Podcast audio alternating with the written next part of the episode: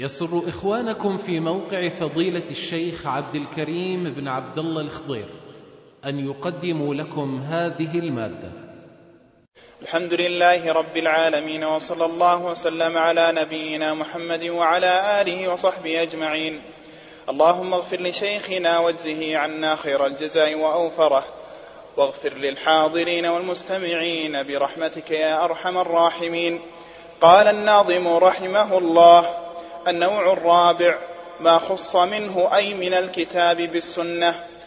تخصيصه بسنة قد وقعا فلا تمل لقول من قد منعا أحادها وغيرها سواء فبالعرايا خصت الرباء الحمد لله رب العالمين وصلى الله وسلم وبارك على عبده ورسوله نبينا محمد وعلى آله وصحبه أجمعين. أما بعد فيقول الناظم رحمه الله تعالى في النوع الرابع من أنواع العقد الخامس مما يرجع إلى مباحث المعاني ما خص منه أي من الكتاب بالسنة. مسألة تخصيص الكتاب بالسنة.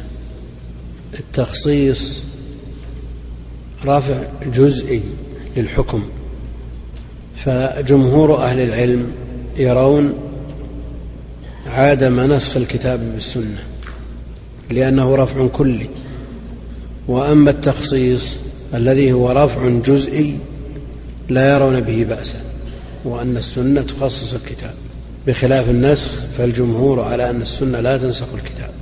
وإن قال بعض أهل التحقيق بجواز ذلك لأن الكل وحي الكل وحي. فيقول الناظم رحمه الله تعالى تخصيصه يعني الكتاب بسنة صحيحة أو حسنة قد وقع وقع الألف هذه للإطلاق ووقوع هذا النوع كثير. ففي قوله جل وعلا حرمت عليكم الميتة الميتة من ألفاظ العموم لأن ال جنسية خص منه بالسنة السمك والجراد حلت لنا ميتتان ودمان. السمك والجراد ميتة لكنها مخصوصة بالسنة من عموم قوله عليه الصلاة من عموم قوله جل وعلا حرمت عليكم الميتة. فهذا مثال يقول تخصيصه بسنة قد وقع فلا تمل لقول من قد منع.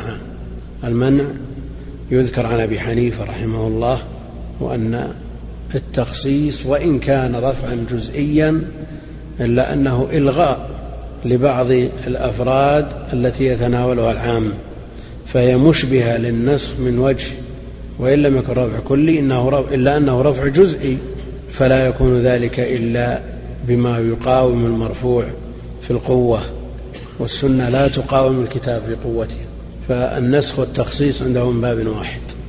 آحادها يعني آحاد السنة وما لم يبلغ حد التواتر وغيرها أي غير الآحاد من المتواتر سواء يعني يخصص يخصص الكتاب بما ثبت في السنة سواء بلغ حد التواتر أو لم يبلغ. فبالعرايا جمع علية كعطية وضحية عطايا وضحايا خصت الرباء استثنت استثنيت العرايا والعرايا من المزابنة. التي جاء تحريمها والمزابنة مفضية إلى الربا لأنه لا تتحقق فيها المماثلة. بيع التمر رطبا على رؤوس النخل بتمر جاف بكيله من الجاف أو بما يؤول إليه من الجاف. هذه المزابنة ولعدم تحقق المماثلة وجد الربا في هذه الصورة. استثني من هذه الصورة العرايا. في خمسة أوسق أو ما دون خمسة أوسق. العرايا نوع من المزابنة من المزابنة ينطبق عليها تعريفها إلا أنها خصت بقوله عليه الصلاة والسلام إلا العرايا. والعرايا كما هو معلوم أن يحتاج إلى تمر رطب يأكله مع أولاده وأسرته مع الناس ولا يكون عنده ما يشتري به إلا التمر الباقي من تمر العام الماضي الجاف. فلو باعه ما حصلت له القيمة التي يريد ويشتري بها ما يكفيه ويكفي أولاده فيقال له رفقا به لك أن تشتري به رطبا. وهذا مخصوص من المزابنة. الربا ثبت تحريمه بالكتاب. أحل الله البيع وحرم الربا. محرم بالكتاب وبالنصوص القطعية في أكثر من آية محرم. خص بالعراية وإن كان فيها ربا إلا أنها مخصصة. والحاجة التي يحتاجها من يريد التمر الرطب لولا النص ما أبيح الربا القطعي بمجرد الحاجة. لكن النص أجاز العرايا. ولذا لا يقال أن كل حاجة تبيح المحرم وقد تكون بعض الحاجات أشد من حاجة مريد العرية. لكن لا يجوز له أن يتجاوز ما حرم الله عليه إلا بنص أو ضرورة إذا كان التحريم بنص. من الكتاب ومن السنة فلا يبيحه إلا الضرورة. على ما ذكرناه مرارا. أما ما منع باعتباره فرد من أفراد قاعدة عامة مثلا أو قاعدة أغلبية أو حر بعمومات لم ينص عليه بذاته فمثل هذا من أهل العلم من يرى أن الحاجة تبيحه. المزابنة ربا والعرايا ربا ربا لعدم التماثل فاستثناؤها تخصيص لتحريم الربا. لا. هي ربا. إذا لم تتحقق المماثلة عدم العلم بالتساوي كالعلم بالتفاضل. ولن تتحقق في المزابنة ولا في العرايا المزابنة باقية على النهي والعرايا مستثنات فهي مخرجة من تحريم الربا. نعم. ثابكم الله. قال رحمه الله النوع الخامس ما خص به من السنة. وعز لم يوجد سوى أربعة كآية الأصواف أو كالجزية والصلوات حافظوا عليها والعاملين ضمها إليها. حديث ما أبين في أولاها خص وأيضا خص ما تلاها. لقوله أمرت أن أقاتلا من لم يكن لما أردت قابلا. وخصت الباقية النهي عن حل الصلاة والزكاة للغني. النوع الخامس. ما خص به من السنة. عكس النوع السابق. النوع السابق الكتاب يأتي عام والسنة مخصصة. النوع الخامس السنة عامة والكتاب مخصص. يقول عز يعني قل فلم يوجد تخصيص السنة بالكتاب سوى أربعة مواضع فقط. والحصر هذا يحتاج إلى استقراء تام. يحتاج إلى استقراء تام. هذه المواضع الأربعة التي زعم الناظم تبعا لصاحب النقاية أنه لا يوجد غيرها كآية الأصواف. آية الأصواف. ومن أصوافها ووبارها وأشعارها أساسا تدل على طهارة هذه الأصواف وطهارة هذه الأوبار والأشعار. إذ لو لم تكن طاهرة لما امتن الله جل وعلا بها. وهذه الآية مخصصة لعموم حديث ما أبين من حي فهو كميتته. ما أبين من حي فهو كميتته. والحديث عند الترمذي وأحمد والحاكم من طرق كلها ضعيفة حسنه بعضهم كالترمذي بمجموع طرقه وله طرق متباينة تدل على أن له أصل ليس بضعيف ضعف شديد. فمنهم من حسنه ومنهم من قال الصواب إرساله كالدار قطني. المقصود أن هذا الحديث عام مخصص بالآية ومن أصوافها. وأوبارها وأشعارها. ومعلوم أن الأصواف تجز والبهيمة حية وكذلك الأوبار والأشعار. غالبا كما أنها إذا ذبحت آه، يجز شعرها أو يبقى على الجلد. المقصود أنه طاهر بالآية سواء أخذ منها في حال الحياة أو بعد مفارقتها للحياة بذبح أو موت. وهذا على أن الصوف حكمه حكم المتصل حكمه حكم المتصل. أما إذا قلنا أن الصوف والظفر أحكامه أحكام المنفصل فلا إشكال ولا نحتاج إلى مثل هذا. لأنها ما أبينت هي في الأصل حكمها حكم المبان المنفصل.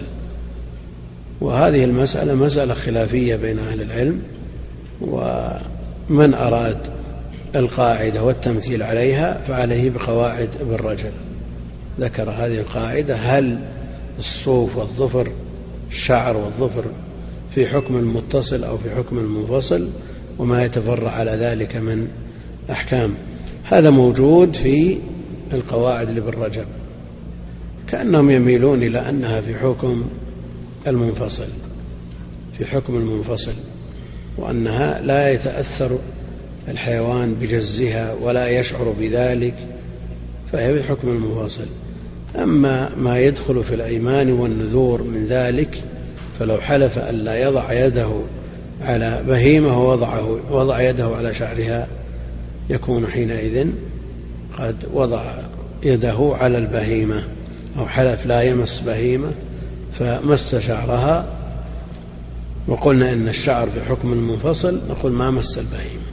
لكن مثل هذا المثال يخرج بكون الأيمان والنذور مردها إلى الأعراف مردها إلى الأعراف.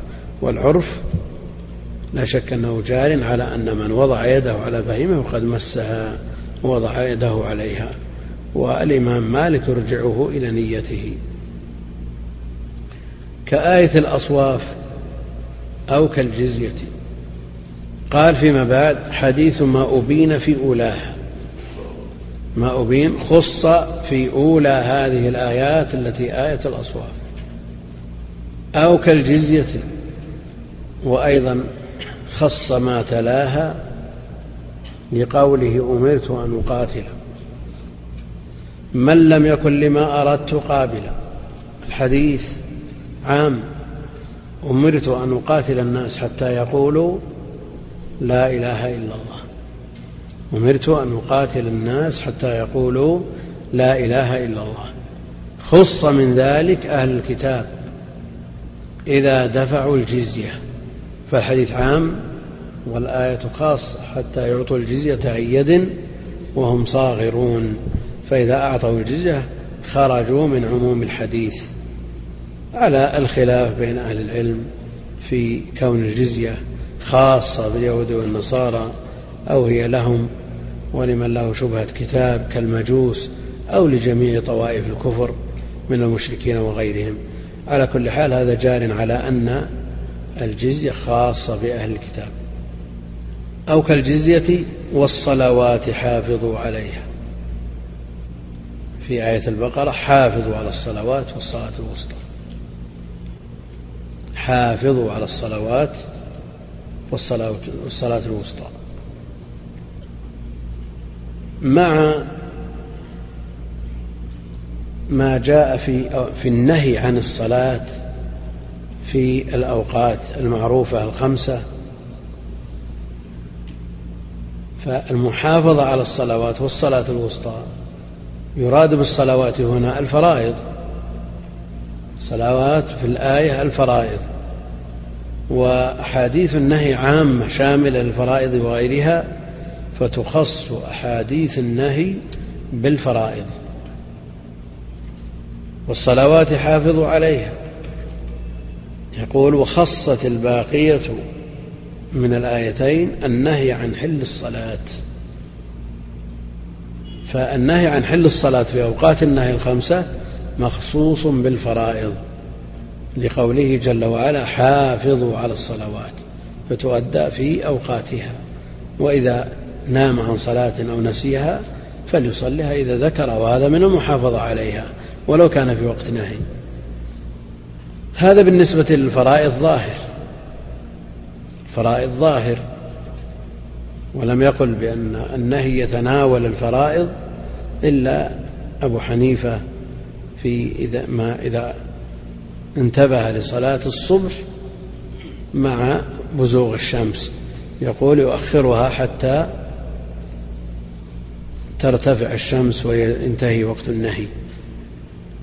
هذا مذهبه لأن النبي عليه الصلاة والسلام لما ناموا عن صلاة الصبح أمرهم بالانتقال من المكان من الوادي الذي ناموا فيه يقول الحنفية من أجل أن يرتفع وقت النهي. ترتفع الشمس ويزول وقت النهي. والصواب أن الشمس قد ارتفعت قبل أن يستيقظوا وزال وقت النهي قبل استيقاظهم لأنهم لم يوقظهم إلا حر الشمس. والشمس لا يصير لها حر إلا إذا ارتفعت كما هو معلوم. المقصود أن أن الفرائض مستثناة من النهي عن الصلاة في الأوقات.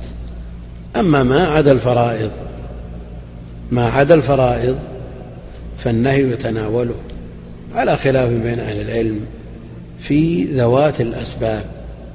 هل تفعل في أوقات النهي أو لا تفعل؟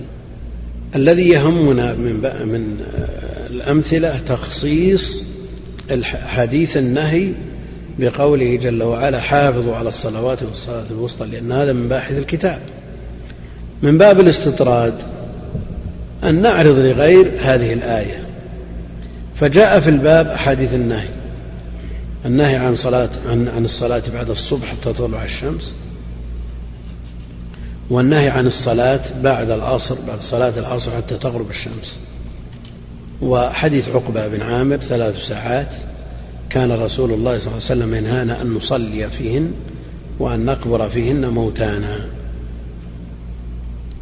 مع إذا دخل أحدكم المسجد فلا يجلس حتى يصلي ركعتين ومع الوضوء الصلاة بعد الوضوء في حديث بلال وأدلة أخرى كلها. يا بني عبد مناف لا تمنعوا أحدا طاف وصلى بهذا البيت أية ساعة شاء. من ليل ونهار المقصود أن هناك صلوات لها أسباب. تتعارض أحاديثها مع أحاديث النهي. فالجمهور الحنفية والمالكية والحنابلة على أن أحاديث ذوات الأسباب عامة في جميع الأوقات. وأحاديث النهي خاصة بهذه الأوقات والخاص مقدم على العام. فلا يفعل في الأوقات الخمسة شيء من النوافل ولو كان له سبب. لأن الخاص مقدم على العام الشافعية يعكسون. يعكسون فيقولون أحاديث النهي عامة في جميع الصلوات وأحاديث ذوات الأسباب خاصة بهذه الصلوات التي جاء ذكرها والخاص مقدم على العام وليس قول إحدى الطائفتين بأولى بالقبول من قول الطائفة الأخرى. فهما مستويان وبين هذه النصوص العموم والخصوص الوجهي وليس العموم والخصوص المطلق كما يدعيه كل فريق. كل فريق يرى أن أحاديثه خاصة وأحاديث خصمه عامة والخاص مقدم على العام. لكن من خلال النظر في نصوص الفريقين كلامهم كله صحيح. فحديث النهي عامة في جميع الصلوات خاصة في هذه الأوقات. وأحاديث ذوات الأسباب عامة في جميع الأوقات خاصة بهذه الصلوات. فالعموم والخصوص وجهي ونحتاج إلى مرجح خارجي والمسألة يطول شرحها لكن المرجح عندي أن الوقتين الموسعين لا مانع من الصلاة فيهما من لذوات الأسباب. لأن النهي عن الصلاة في هذين الوقتين من باب نهي الوسائل لئلا يستمر يصلي حتى يأتي الوقت المضيق. أما الوقت المضيق فالنهي فيها أشد ولا يقتصر النهي فيه على الصلاة بل يتناول ذلك إلى دفن الأموات لئلا يحتاج إلى الصلاة. فالمسألة فيها أشد وسبب النهي تعلق الكفار بطلوع الشمس وغروبها ولا يمكن أن يتعلق بعد صلاة الصبح أو بعد صلاة العصر لأن الطلوع والغروب بقي عليه وقت طويل. ويبقى أنه نهي نهي وسيلة لئلا يستمر الإنسان يصلي إلى أن يضيق الوقت كما قال ابن عبد البر وابن رجب وغيرهما.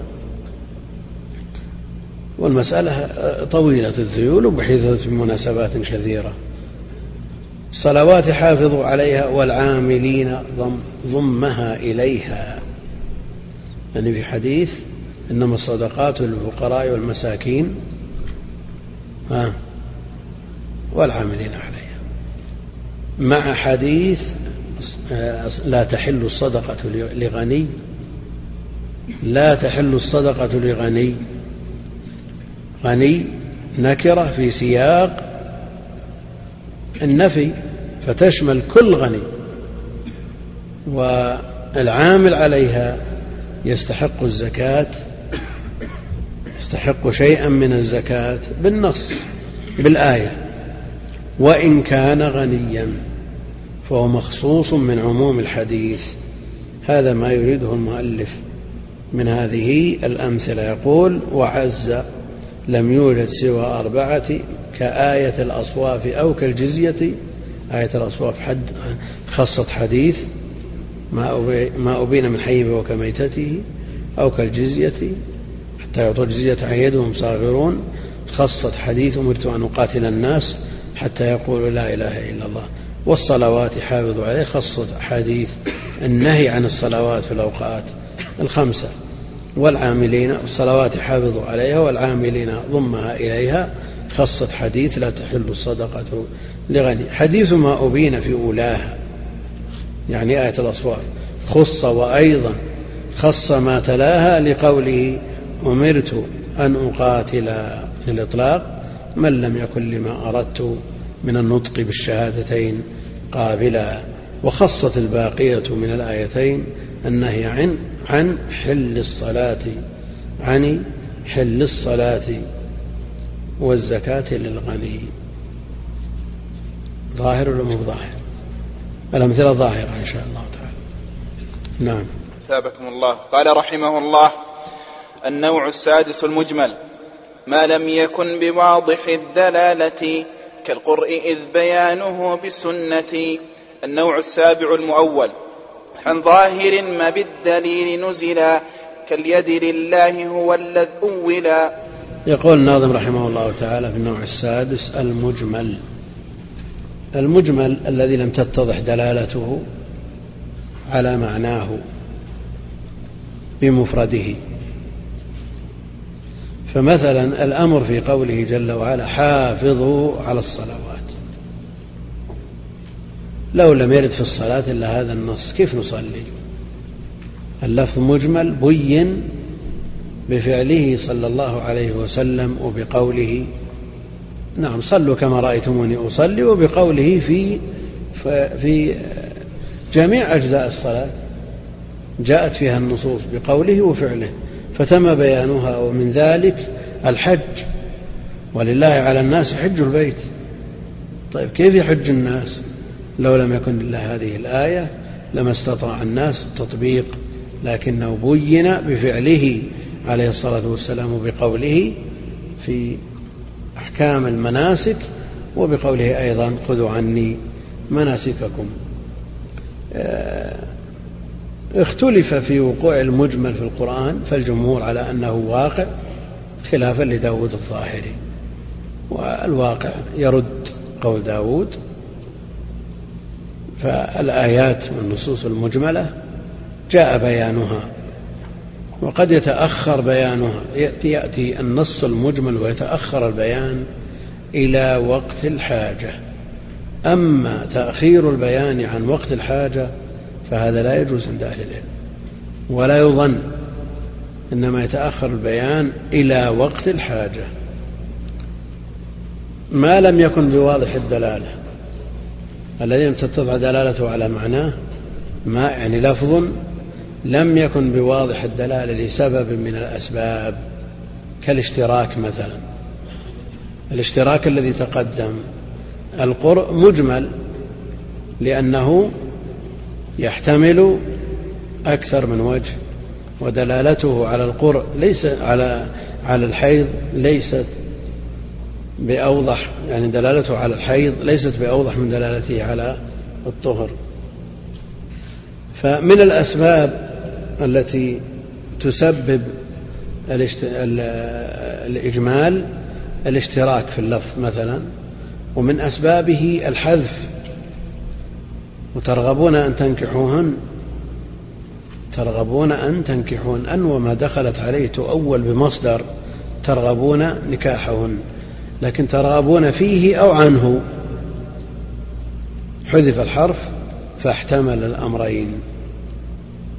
ومنها احتمال العطف احتمال العطف والاستئناف وما يعلم تأويله إلا الله والراسخون في العلم يقولون آمنا به فالواو هذه محتملة لأن تكون عاطفة ما يعلم تأويله إلا الله والراسخون وحينئذ يكون الراسخون عالمين بتأويل المتشابه.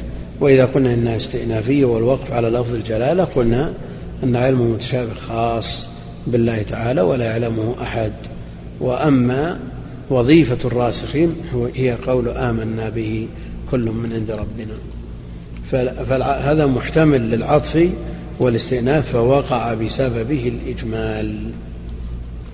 ما لم يكن بواضح الدلالة كالقرء لفظ مشترك بين الحيض والطهر.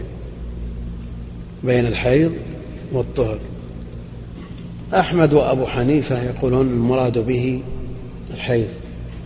الحنابلة والحنفية يقولون المراد الحيض والمالكية والشافعية يقولون المراد الطهر. دليل الحنابلة والحنفية في الحديث الصحيح دعي الصلاة أيام أقرائك. يعني أيام طهرك دعي الصلاة ولا أيام حيضك؟ أيام حيضك. وهذا من أصرح الأدلة. دليل المالكية و والشافعية على أن المراد بالحيض أو الحيض الطهر أن ابن عمر طلق زوجته وهي حائض. فجاء في الحديث مره فليراجعه حتى تطهر ثم تحيض ثم تطهر ثم ليطلقها وش وجه الدلالة. فتلك العدة التي أمر الله أن تطلق لها النساء. وجه الدلالة؟ طلقوهن لعدتهن. طلقوهن لعدتهن. وش وجه الدلالة؟ ما زالت الدلالة فيها غموض. نعم؟ أنها طاهرة. نعم؟ يعني عدتها قبل الطلاق ولا بعد؟ تلك العدة طلقوهن لعدتهن. نعم. مستقبلا. يعني لا نفهم مثل ما فهم بعض من علق على بعض الكتب وقال النص يعني حديث ابن عمر لما كانت العدة قبل الطلاق. ابتداء العدة يبدأ من الطهر. طيب وش أثرها على القروء؟ لعدتهن يعني طاهرات. لعدتهن. والعدة ثلاثة قروء. العدة ثلاثة قروء. ثلاثة قروء. ولعدتهن يعني طاهرات. فعدتهن هي الأطهار لكن هل هذا من الوضوح والبيان؟ مثل وضوح آه، دع الصلاة أيام أقرائك. لا ليس مثله. ولتعذر الجمع بين حديث ابن عمر وحديث دع الصلاة قال بعضهم إذا جمع على أقرأ فهو الحياض وإذا جمع على قروء فهي الأطهار. نعم؟ قروء إذن الأطهار. ودعي الصلاة أيام أقرائك الحيض حيث نعم. لكن هل لتأثير الجمع أو لاختلاف الجمع تأثير على الحكم. نعم قد يكون تأثيره من حيث القلة والكثرة لأن هناك جموع قلة وجموع كثرة. لكن القرء هو القرء. يعني كيف نحكم على لفظ واحد أنه إذا جمع جمعه على كذا يفيد كذا وجمعه على كذا يفيد كذا. حتى تطهر. هي حائض الآن. ثم تحيض ثم تطهر. لا. لا ما في تحيض. لأنه لو بيخلي تحيض كان الطلاق الأول صحيح. في خفاء يعني فيه خفاء. الاستدلال فيه خفاء. لا هو أحدهما. هو لفظ مشترك بينهما. ما في إشكال. لا هو ضعف بالنسبة لحديث ابن عمر يعني أضعف منه. ولا كلاهما صحيح. لا كلاهما ما في إشكال إن شاء الله. نعم. أنها طلقت في الحيض. نعم طلاق ليس عليه الأمر.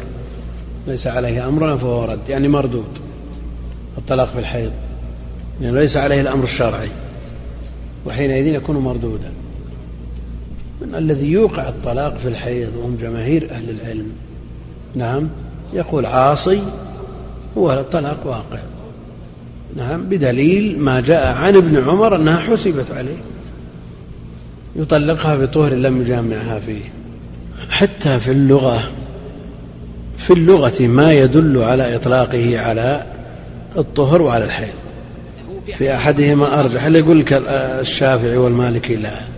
هو على الطهر في الطهر أظهر وبه أرجح. هذا إجمال القرء إجمال سببه الاشتراك ويبين في النصوص وكل على مذهبه منهم من قال بينه حديث ابن عمر فالمراد به الطهر ومنهم من قال بينه حديث دع الصلاة. إذ بيانه بالسنة والسنة مبينة للقرآن. وظيفة النبي عليه الصلاة والسلام لتبين للناس ما ما إيش؟ نعم ما نزل إليهم تبين القرآن. فالسنة مبينة للقرآن وشارحة له ومفسرة له. النوع السابع المؤول. المؤول. عندنا نص وظاهر ومؤول. نص وظاهر ومؤول. النص الذي لا يحتمل. فالنص الذي لا يحتمل يسميه أهل العلم نص لظهوره أخذا أخذا من منصة العروس لظهورها. والذي يحتمل أمرين أحدهما أرجح من الآخر فالراجح هو الظاهر والمرجوح هو المؤول. والمرجوح هو المؤول. والأصل العمل بالراجح إلا إذا وجد ما يمنع من العمل به. إذا وجد ما يمنع من العمل بالظاهر يلجأ إلى المؤول. عن ظاهر جار مجرور متعلق بنزل. عن ظاهر ما يعني لفظ بالدليل القطعي نزل إطلاق أي ترك عن ظاهر ما بالدليل نزل يعني ترك يترك الظاهر المنصوص عليه بالدليل القطعي والنزول والتنازل هو الترك. تقول نزلت عن حقي إذا تركته. تقول نزلت عن حقي إذا تركته. نزلت عن ديني على فلان إذا تركته وأعفيته منه. فأنت تترك الظاهر إلى المؤول تترك الاحتمال الراجح إلى الاحتمال المرجوح لوجود قرينة تمنع من إرادة الاحتمال الراجح. وهم على مذهبهم في نفي الصفات انهم جروا على مذهب الأشعرية. ناظم ينظم النقاية والنقاية للسيوطي وهو أشعري. كاليد لله هو الذي أولا. اليد الواردة في نصوص الكتاب والسنة الظاهر منها أنها اليد الحقيقية. وتأويل اليد بالنعمة أو بالقدرة هذا غير الظاهر. لكن هم يقولون منع من إرادة الظاهر خشية التشبيه. فهم من باب تنزيههم لله جل وعلا ينفون عنه الظاهر ويثبتون المؤول. ينفون الراجح ويثبتون المرجوح. تمسكا بالتنزيه. لكن هم قبل أن عطلوا وقبل أن أولوا مروا بمرحلة قبل هذه وهي إيش؟ التشبيه. شبهوا أولا ثم عطلوا لما تبادرت أذهانهم إلى التشبيه عطلوها بعدها. وإلا لو قالوا سمعنا وأطعنا. الله جل وعلا يثبت لنفسه يد يثبت لنفسه سمع وبصر فنثبته على ما يليق بجلاله وعظمته. لا نحتاج إلى أكثر من هذا. والمعاني معروفة والكيفيات مجهولة. كما جاء عن أم سلمة وعن مالك الاستواء معلوم والكيف مجهول والسؤال عنه بدعة.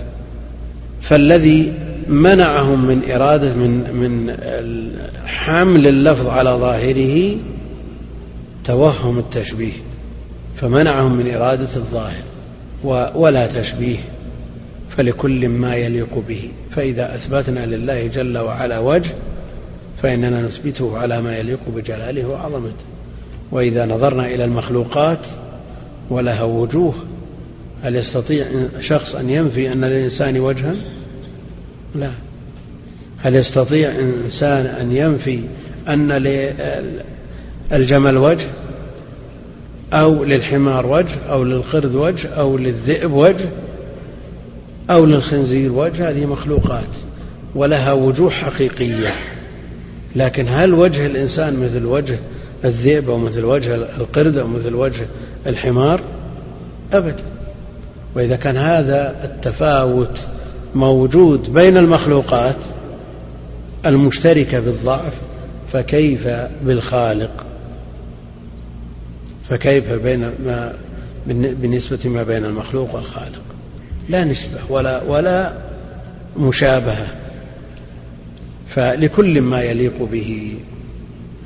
كاليد الله هو الذي أولا لغة في الذي.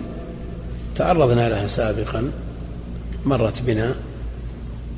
وقلنا أن ابن مالك استعمل صوغ من مصوغ منه للتعجب. أفعل تفضيل وأبلذ أبي طيب. ما جاء من النصوص في في ما يتعلق بالله جل وعلا. النصوص الصحيحة. واعتمده سلف هذه الأمة. لا محيد عن إثباته. فكل خير في اتباع من سلف. لكن النصوص المحتملة والتي لم يتفق على معناها سلف الأمة هذه للخلف مندوحة. لأنهم إن قالوا بالقول فقد سبقوا وإن قالوا بضده فقد سبقوا. لكن ما يتفق عليه سلف هذه الأمة نحن مطالبون بفهم النصوص على فهمهم. فهم النصوص على فهمهم. قد يقول قائل أنتم أولتم المعية بالعلم. نقول كذلك. لأن السلف أول المعية بالعلم. اللازم الذي من أجله أولوها بالعلم. ثم يقول كالمبتدع اللازم الذي يلزم على المعية قد يلزم نظيره في إثبات اليد. نقول لا يلزم نظيره لأن اللازم منفي بنصوص فلا تلازم بينهما. الأمر الثاني أننا نتبع من عاصر التنزيل وخالط النبي عليه الصلاة والسلام وفهم مقاصد الشريعة. نعم. أمثلة على المؤول. عندنا ظاهر وعندنا مؤول. من نذكر لنا مثال؟ إذا قمتم إلى الصلاة إذا قمتم ظاهره أننا إذا أردنا أن نكبر تكبيرة الإحرام وقمنا إلى الصلاة ومثلنا بين يدي الله في الصف قبل تكبيرة الإحرام نتوضأ هذا الأصل في الفعل. نعم. ليكون القيام لأنه فعل ماضي قبل القيام الذي هو للصلاة قبل وجود الوضوء. ثم بعد ذلك نتوضأ. ومثلها فإذا قرأت القرآن فاستعذ بالله. ظاهر اللفظ والفعل ماضي أن القراءة متقدمة على الاستعاذة. ويقول بهذا بعض أهل الظاهر لكن هذا الظاهر دلت الأدلة على أنه غير مراد فالماضي يطلق ويراد به حقيقته الفعل في الزمان الماضي ويطلق وهذا هو الغالب ويطلق ويراد به الشروع يعني يطلق ويراد به الفراغ من الفعل. جاء زيد انتهى. جاء انتهى. يطلق ويراد به الشروع. ويطلق ويراد به الإرادة. إذا قرأت القرآن إذا كبر فكبروا يعني إذا فرغ من التكبير. إذا ركع فاركعوا يعني إذا شرع في الركوع فاركعوا. هو اللفظ حقيقة. اللفظ حقيقة لكنها حقيقة شرعية. حقيقة شرعية. حقيقة شرعية من غير التزام باللازم والمسألة خلافية بين سلف هذه الأمة وكثير منهم أولها بالعلم. الذي فيه اختلاف بين سلف هذه الأمة للمخالف مندوحة. الإشكال فيما يتفقون عليه. الذي يتفقون مثل مثلا الاستهزاء المكر الخديعة نسوا الله فنسيهم الهرولة. كلها مختلف فيها بينهم. الساق فالذي فيه خلاف بينهم يكون فيه ساعة. أما الذي يتفقون عليه ما في إشكال. لا يجوز بحال أن أن يخالفوا نعم. ثابكم الله. قال رحمه الله النوع الثامن المفهوم. موافق منطوقه كأف ومنه ذو تخالف في الوصف ومثل ذا شرط وغاية عدد ونبأ الفاسق للوصف ورد والشرط إن كن أولات حمل وغاية جاءت بنفي حل لزوجها قبل نكاح غيره وكالثمانين لعد غير وكالثمانين لعد أجره. يقول المؤلف رحمه الله تعالى في النوع الثامن المفهوم. المفهوم يقابله المنطوق والمنطوق لم يذكره الناظم. نظرا لأنه هو الأصل وهو دلالة اللفظ في محل نطقه. وأما المفهوم فدلالة اللفظ لا في محل نطقه فيحتاج إلى ذكره لأنه خلاف الأصل. الأصل دلالة الحروف على معانيها. يقول الناظم رحمه الله تعالى موافق منطوقه موافق بالتنوين منطوقه أي ما يوافق حكمه حكم المنطوق ما يوافق حكمه حكم المنطوق. يعني عندنا منطوق وعندنا له مفهوم موافقة وعندنا له مفهوم مخالفة. مفهوم موافقة إذا كان حكم المفهوم موافق لحكم المنطوق ومفهوم المخالفة إذا كان حكم المفهوم مخالف لحكم المنطوق. فمثلا المثال الذي ذكره موافق منطوقه هذا مفهوم الموافقة. كأف يعني لو وجد شيء أقل من التأفيف أقل أدنى من التأفيف لقلنا التأفيف حرام فما دونه مفهومه أنه حلال. ما دونه لو تصور أن هناك شيء أقل من التأفيف مع أنه لا يتصور. لأنه لا يسمع من التأفيف إلا حرف الفاء مع الهمزة والهمزة قد لكن الذي يسمع في الغالب الفاء. والذي دونه لا يسمع منه شيء. لا يسمع منه شيء. الذي لا يسمع منه شيء هذا حديث نفس. ما في شيء معفو عنه. فليس له مفهوم مخالفة. له مفهوم موافقة.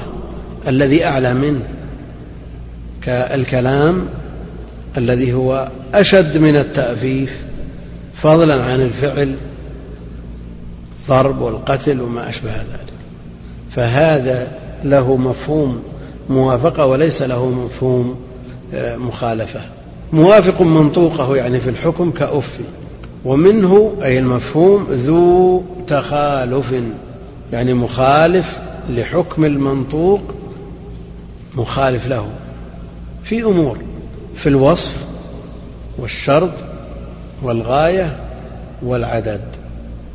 فهناك مفهوم المخالفة ويكون تكون هذه المخالفة في الشرط ويسمى مفهوم الشرط ومفهوم الوصف ومفهوم الغاية ومفهوم العدد. ومنه ذو تخالف في الوصف ومنه ذا, مف... ذا شرط يعني مفهوم الشرط وغاية يعني مفهوم الغاية وعدد مفهوم العدد. الأمثلة على ذلك مفهوم الوصف. مفهوم الوصف نبأ الفاسق للوصف ورد. إن جاءكم فاسق بنبأ فتبينوا. هذا وصف الوصف بالفسق له مفهوم. مفهومه أنه إذا كان عدل فإننا لا نحتاج إلى التبين ولا التثبت. إذا كان عدلا ليس بفاسق اشهدوا ذوي عدل منكم ممن ترضون من الشهداء. المقصود أنه إذا انتفى الوصف الذي هو الفسق انتفى حكمه. للمزيد من مواد فضيلة الشيخ عبد الكريم الخضير يرجى زيارة الموقع الرسمي لفضيلته www.kudair.com والسلام عليكم ورحمة الله وبركاته.